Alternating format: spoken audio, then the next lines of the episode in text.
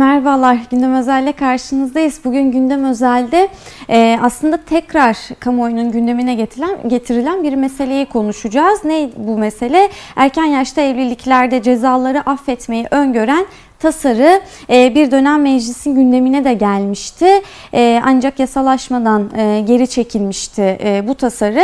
Fakat şimdi birkaç haftadır yeniden Türkiye'nin kadınların gündeminde bu tasarı. Bu tasarıda ne deniyor? Neden tekrar tekrar gündeme geliyor? Neden çıkartamıyoruz bu tasarıyı hayatımızdan, gündemimizden? Biraz bunları konuşacağız. Konuğumuz Ekmek ve Gül editörü Gizem Örnek. Merhaba, hoş geldin. Merhaba. Şimdi e, öncelikle bu, bu tasarı neydi? E, neyi içeriyordu? Böyle bir ba isim, başlık olarak söyledik ama içerisinde neler var bu tasarının? Onları biraz hatırlatır mısın bize? Tabii. Ee, şimdi senin dediğin gibi aslında tasarı yeniden gündemimize geldi. Tasarı çünkü ilk kez 2016 yılında AKP hükümeti tarafından gündeme getirilmişti meclis gündemine ve e, çok hızlı bir biçimde işlemişti o süreç. Bir gecede hatta çıkartmaya çalıştılar yasayı komisyonlardan hızla geçti ama muhalefet partilerin tepkilerine rağmen e, komisyonlarda tartışılmıştı. E, kamuoyunda da ciddi tepkileri neden oldu. Yasanın aslında temeli şu, dayanağı şu daha doğrusu. E, sayıları sürekli değişiyor. İlk 2016'da gündemimize geldiğinde 1300 mağdur olduğu söylenmişti. Şimdi bu sayı 10 bine çıktı. Nasıl bir anda çıktığını biz de bilemiyoruz. Erken yaşta evlenen çocukların... E, eşlerinin erken yaşta evlenmeden kaynaklı ceza aldığı ve şu an cezaevinde olduğu, kadınların hatta varsa bu evlilikten olan çocukların da mağdur olduğu ve dolayısıyla bu mağduriyetin çözülmesi için bir yasa tasarısı gündeme gelmişti. Ee, bu kısaca kamuoyunda erken yaşta evlilik affı olarak bilindi. Ama çok ciddi tartışmalara sebep oldu ve 2016 yılında özellikle AKP'li kadınlar tarafından da reddedilerek e, meclis gündeminden geçmedi. Hı hı. Ama e, biz o zaman bittiğini düşünmüştük. Artık bu yasanın rafa kalktığını düşünmüştük. Ama aslında sadece bir süreliğine rafa kalktığını ne yazık ki görmüş olduk. AKP'nin ajandasında olmaya devam ediyor hala. E, çünkü yeniden gündemimize geldi. Peki şimdi meclis gündemine gelmedi değil mi? E, henüz kamuoyunda konuşuyoruz. Evet, yani şimdi, şimdi orada, 2019 yılında. Evet ilginç bir e, durum var. Biz e, geçtiğimiz hafta Ekmek ve Gül'de bir haber yayınladık ve bütün partilerle görüşerek yaptık bu haberi. Ee, Hükümet Partisi dışındaki bütün partilerle görüştük. Şimdi Türkiye Gazetesi ve Akit Gazetesi'nin bir manşetiyle e, tekrar gündemimize geldi aslında bu yasa tasarısı. E, orada da şu ifadeler yer almıştı. E, hükümet bütün muhalefet partilerinin onayını alarak bir uzlaşmayla geçirmeye çalışıyor bu yasayı diye. Ama biz sorduk bütün muhalefet partilerine ve henüz gündemlerinde böyle bir yasa olmadığını, mecliste böyle bir tartışma olmadığını söylediler. Zaten meclis işleyişi gereği önce komisyonda, alt komisyonda görüşülmesi gerekiyor. Ve daha sonra meclis genel kuruluna gelecek ama böyle bir taslak içeriği, maddelerde ne var ne yok henüz bilinir bir durum değil. Bunu e, belki şöyle anlayabiliriz. E, vekillerin de uyarısı bu yöndeydi. AKP tekrar bir kamuoyu yoklaması yapmak istiyor. Hem kendi taban açısından bir kamuoyu yoklaması yapmak istiyor hem de muhalefet partilerinin ve kadın hareketinin anladığımız kadarıyla durumunu görmek istiyor. Ee, yani yeniden hazırlanacaksa eğer bu e, tasarı maddelerini bir görmek gerekiyor kesinlikle. Ama 2016'daki yasa tekrar karşımıza gelecekse tüm muhalefet partilerinin uyarıları bu yöndeydi. 2016'daki yasaya biz imza atmayacağız. Aynı biçimde gelirse diye. Çünkü e, bu değişikliği de anlatayım istersen. Şimdi 2016'da gelen yasa tasarısı yine bir mağduriyeti gidermek üzere olduğu söylenmişti. Aslında daha açıkça ifade edelim. Örneğin 15 yaş üstü e, bir genç kız düşünelim 16 yaşında 17 yaşında hmm, ve evlenmiş. E, Bekir Bozdağ'ın o dönemin Adalet Bakanı Bekir Bozdağ'ın söylediği gibi ne yazık ki burada zaten daha vahim bir durum var. E, devlet yetkilileri göre şeye katılmışlar, düğüne katılmış, oyunlar oynanmış, takılar takılmış ve bir düğün kurulmuş yani 18 yaş altı çocuklar için. Şimdi burada erkeğin durumu önemli. Bu erkek yani e, kocası 19 yaşında da olabilir, 65 yaşında da olabilir, 70 yaşında da olabilir. E, bu yasa mağduriyeti çözmek için çıkarıldığı söylenen yasa tasarısında böyle bir yaş sınırı yoktu. Ve muhalefet partileri de kadın hareketi de o dönem bunu Hüseyin Üzmez yasası demişti. Çünkü Hüseyin Üzmez 65 yaşındayken kendisinden yaşlı çok çok küçük ve 18 yaşın altında bir kız çocuğuyla evlenmişti. Hükümetin, muhalefetin uyarıları da şöyle olmuştu. Erken yaşta evlilik, çocuk yaşta evlilik diye bir şey olmaz. Bunun adı çocuk istismarıdır. Ve dolayısıyla istismarcıları aslında affetmek istiyorsunuz diye bir tartışma olmuştu. Şimdi yeniden bu biçimiyle mi gündeme gelecek yoksa akran evliliklerini mi çözmeye çalışacak? Diyelim ki 15 yaşındaki bir kızla 17, 19 yaşındaki bir erkeğin evliliğinden yaşanan problemleri mi çözmeye çalışacak? Bunu henüz hiç kimse bilmiyor. Evet. Peki şimdi e, muhalefet partileri e, dedin ya e, hem haberinizde de var e, görüşmüştünüz e, yaptığınız haberde. CHP'nin de elbette kadın vekilleri buna çok sert tepkiler göstermişlerdi. Şimdi yeniden gündeme gelince yine kadın vekillerden duyuyoruz bu sözleri. Ama bir yandan aynı CHP'den milletvekili Atilla Sertel bir ısrar ve inatla meclise ikidir işte bakın e, mağdur ediyorsunuz, aileleri mağdur ediyorsunuz diyerek e, işte küçük yaşta evlilik yapmış kadınları getirerek onları konuşturarak biz e, mağdurlar var bu ülkede peki bunların sorunları ne olacak diye e, soru soruyor. E, o Evet, CHP'li kadınlar, e, CHP'li vekiller e, nasıl değerlendiriyorlar bunu? Şimdi bizim görüştüğümüz e, vekiller özellikle KEFEK'te Kadın Erkek Fırsat Eşitliği Komisyonu'nda yer alan vekiller. CHP'li vekillerle de e, görüşmelerimiz oldu. Şimdi onların değerlendirmesi Atilla Sertel'in görüşü kendisini bağlar. Partimizin görüşü bu yönde değil şeklinde oldu. Ama buradaki tartışmayı yeniden hatırlayalım.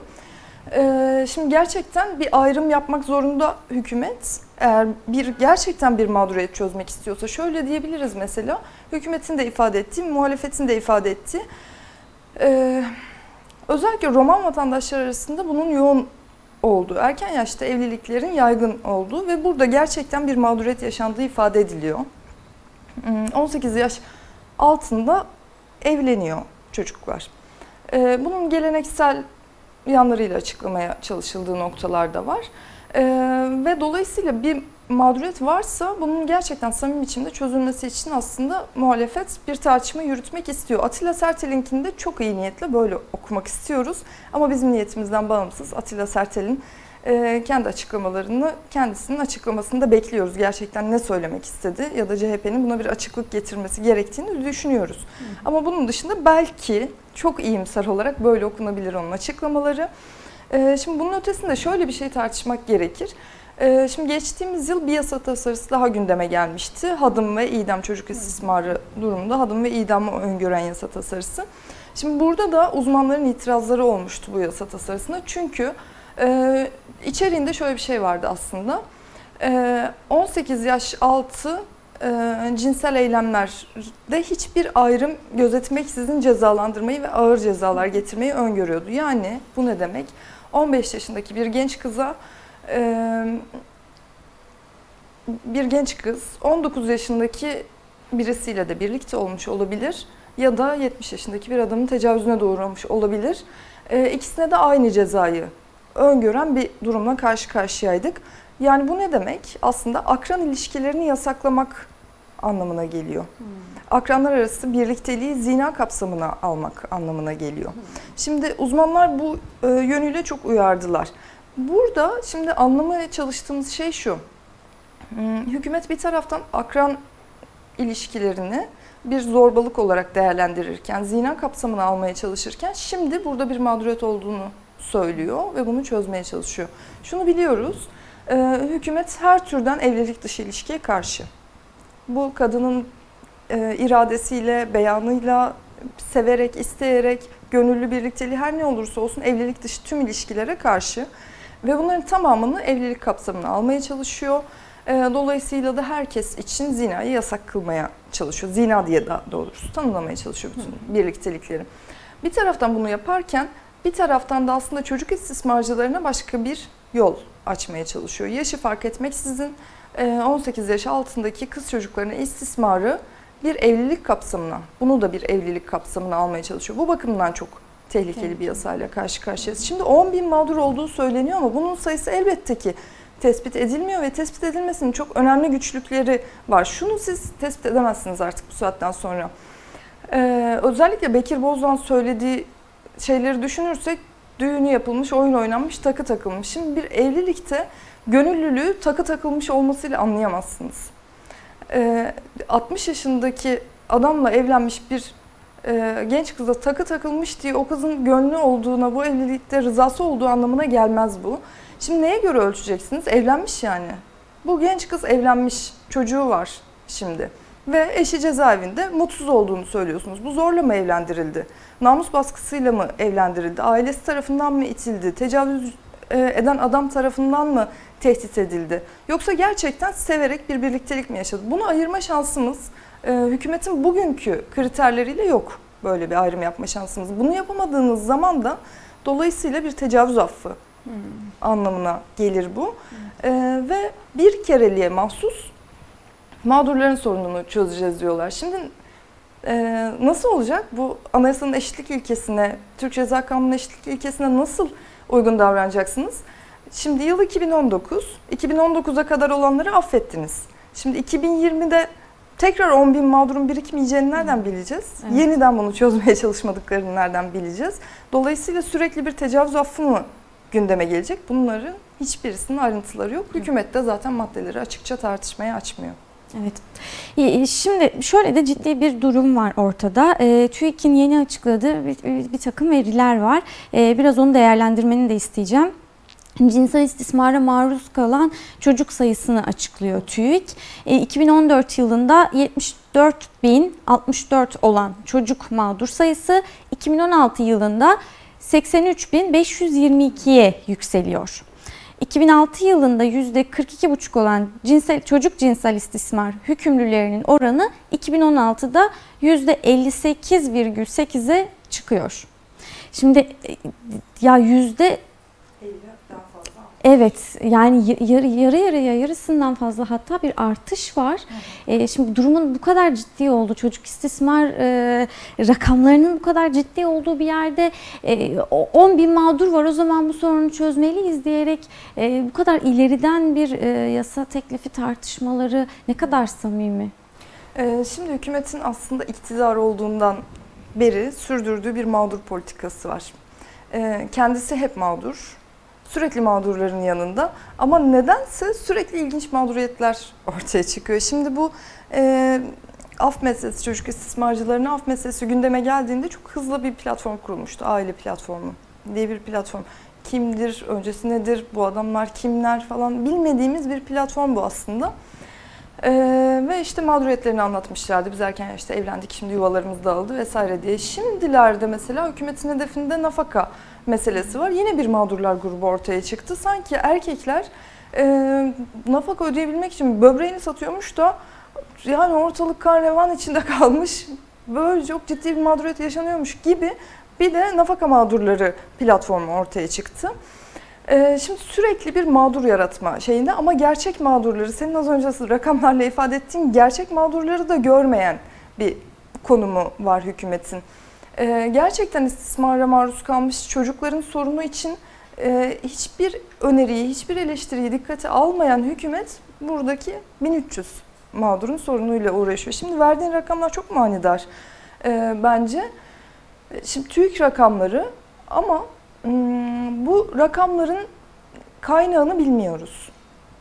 Aslında hükümet İstanbul Sözleşmesi ile yükümlü olduğu e, bir konu bu. Ama İstanbul Sözleşmesi'nin uygulayıcıları Türkiye'yi veri tutmamak konusunda uyardılar, ciddi eleştirilere tabi tuttular. Şöyle, e, bunlar sadece mahkemelere yansıyan veriler. Ve sadece bu kısmını bilebiliyoruz ve bunun ne anlama geldiğine ilişkin anlamlı bir değerlendirme tespit yapılamıyor dolayısıyla buradan. Çocuk istismar dediğiniz şey özellikle ensesti de içine alan bir e, konu ve çok derin, çok geniş bir konu.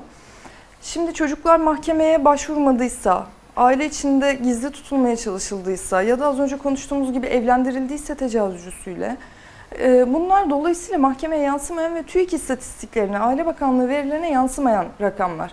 Dolayısıyla istismar mı azalıyor ya da artıyor? Yoksa mahkemeye yansıma oranı mı azalıyor, artıyor? Bunu değerlendirme şansımız ne yazık ki yok, olmuyor. Ama buradan kadın örgütlerinin çok dikkat çektiği bir noktayı hatırlatalım. E, devlet istatistik tutmakla yükümlüdür ve bunu düzenli aralıklarla kamuoyuna açıklamakla yükümlüdür. En son 25 Kasım öncesi İçişleri Bakanı Süleyman Soylu bir açıklama yapmıştı. e, hem kadına yönelik şiddet verilerini hem de istismar verilerini, cinsel istismar verilerini paylaştı. Ve burada %36'ya varan bir azalma olduğunu söyledi. Ama bunu neye göre söylediği konusunda hiçbir fikrimiz gerçekten yok. Nasıl ölçtüğünü bilmiyoruz. Bu verilerin de neyi yansıttığını dolayısıyla anlamlı biçimde açıklayamıyoruz. Ee, ama umuyoruz ki ortaya çıkan kısmı artmıştır. Çünkü artık ses çıkarabilmek bile çok önemli bir nokta. Çocukların ses çıkarabilmesi bile önemli bir nokta. Bunun artmış olduğunu bile ummak istiyoruz sadece. Hı. İstismarın değil ortaya çıkma yüzdesinin arttığını ummak istiyoruz. E, bu veriler bilinçli olarak tutulmuyor diyebilir miyiz? Yoksa e, böyle bir çalışması mı yok hükümetin? E, buraya bir ağırlığı mı yok?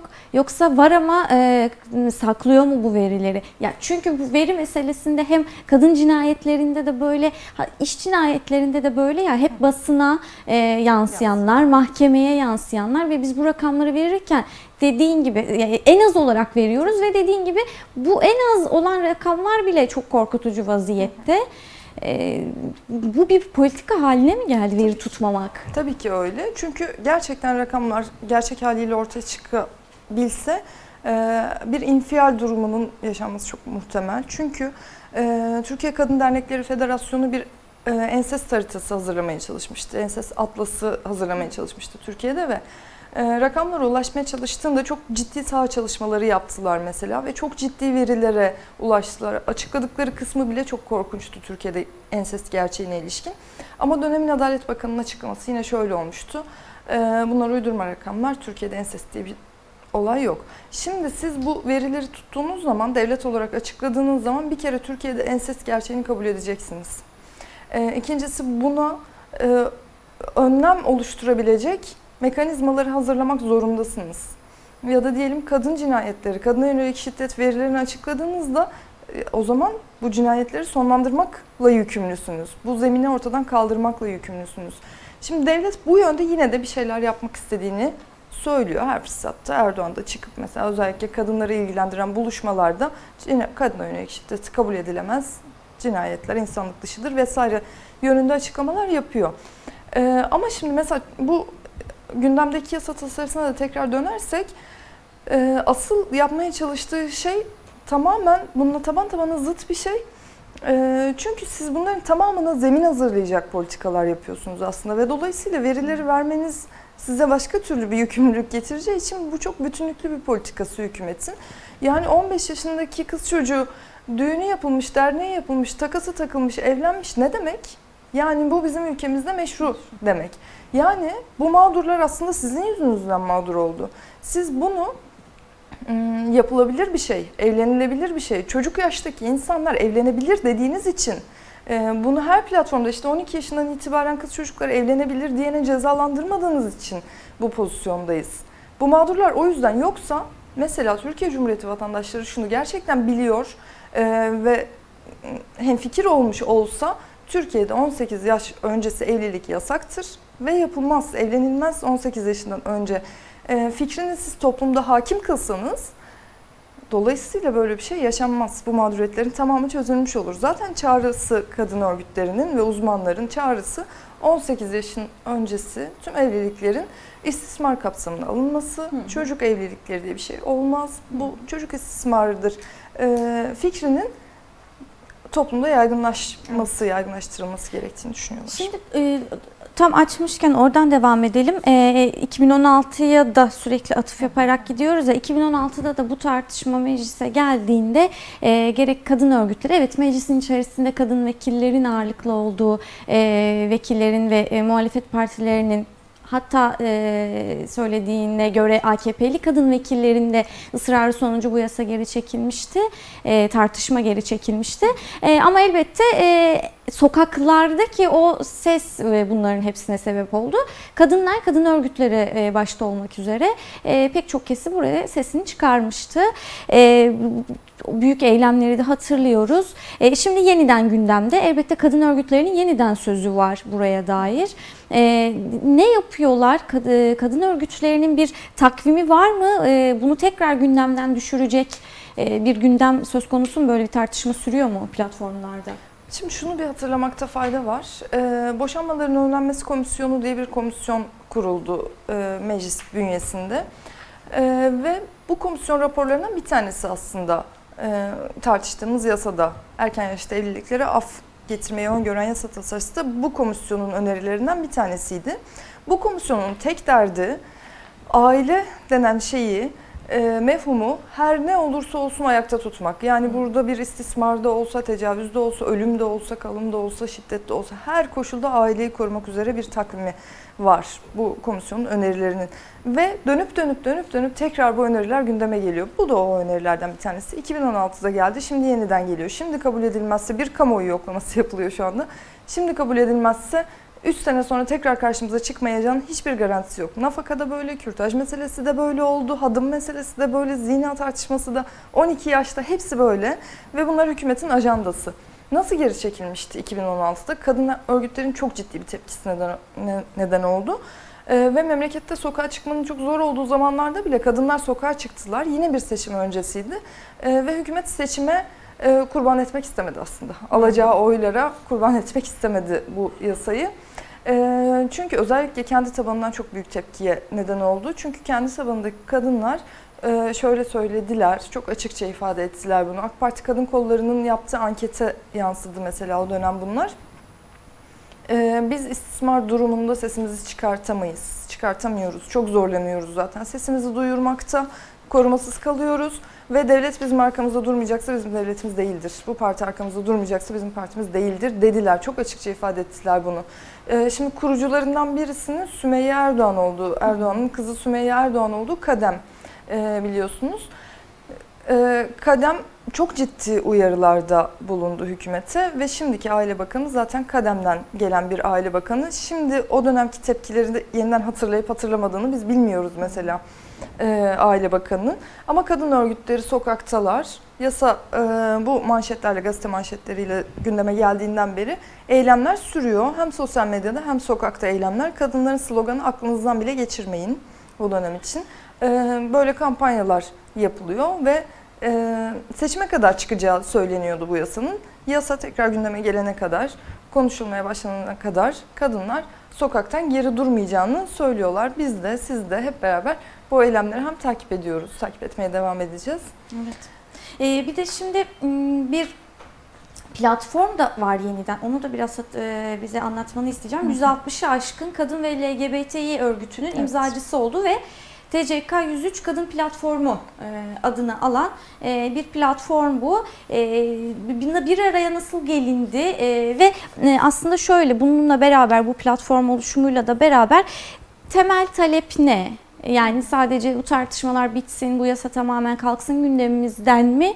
Yoksa bununla birlikte e, istismarı önleyici şu şu şu politikalar uygulansın. Ne diyor kadınlar?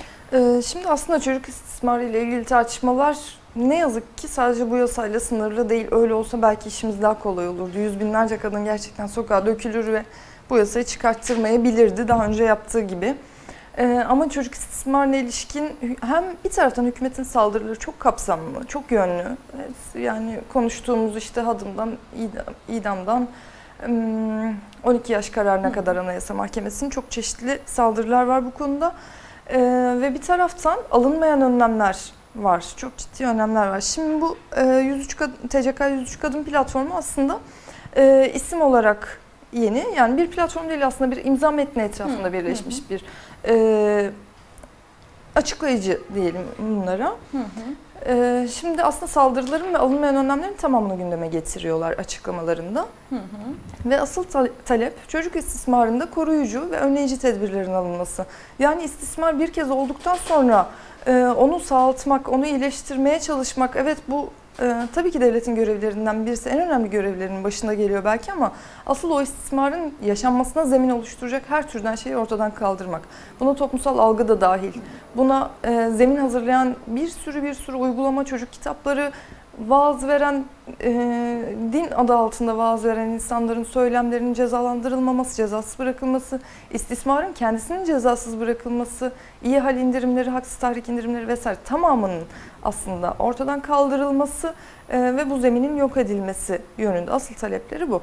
Ancak bu yasa tasarısı içinde aklınızdan bile geçirmeyin diyorlar. Neden kadın örgütleri?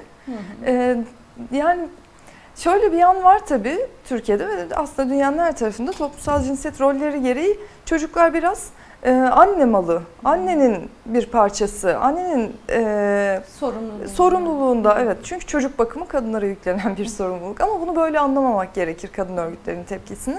Ee, kadın LGBT örgütleri var yanı sıra çocuk, çocuk hak örgütleri de var bu bileşenin içerisinde. Ee, kadınlar ve çocuklar aslında bir eşitsizliğin aynı tarafında duran kesimler. LGBT bireyler de aynı biçimde. Ee, erkek egemen eşitsizliğin ne yazık ki ezilen kısmında yer alan gruplar bunlar ve dolayısıyla çok manidar. Sadece bir annelik duygusu değil yani kadınları bu açıklamaya yapmaya zorlayan şey ya da bu mücadelenin parçası olmaya zorlayan şey. Ee, gönül ister ki erkeklerin de bunun bir parçası, güçlü bir parçası olması ama sadece bir annelik şeyiyle değil, asıl eşitsizliğin aynı tarafında olma ve bir ittifak durumuyla ilgili kadın örgütlerinin bu işe bu kadar sahip çıkması Evet. diyebiliriz. Evet. Çok teşekkür ediyorum ben değerlendirmelerin için, eee, detaylıca anlattığın için. Elbette tartışılmaya devam ettiği sürece konuşmaya da devam edeceğiz. Eee, kadın örgütlerinin sesini, sözünü eee, göstermeye de devam edeceğiz. Eee, umuyoruz ki bir an önce tartışmadan da gündemden de kalkar, bir daha geri gelmemek üzere. Eee, göreceğiz bakalım hep beraber. Kolaylıklar diliyorum. Biz de size kolaylıklar diliyoruz. Teşekkürler. Umudumuz bu yönde bizim de. Teşekkürler. Evet, gündem özelden bugünlük bu kadar. Görüşmek üzere.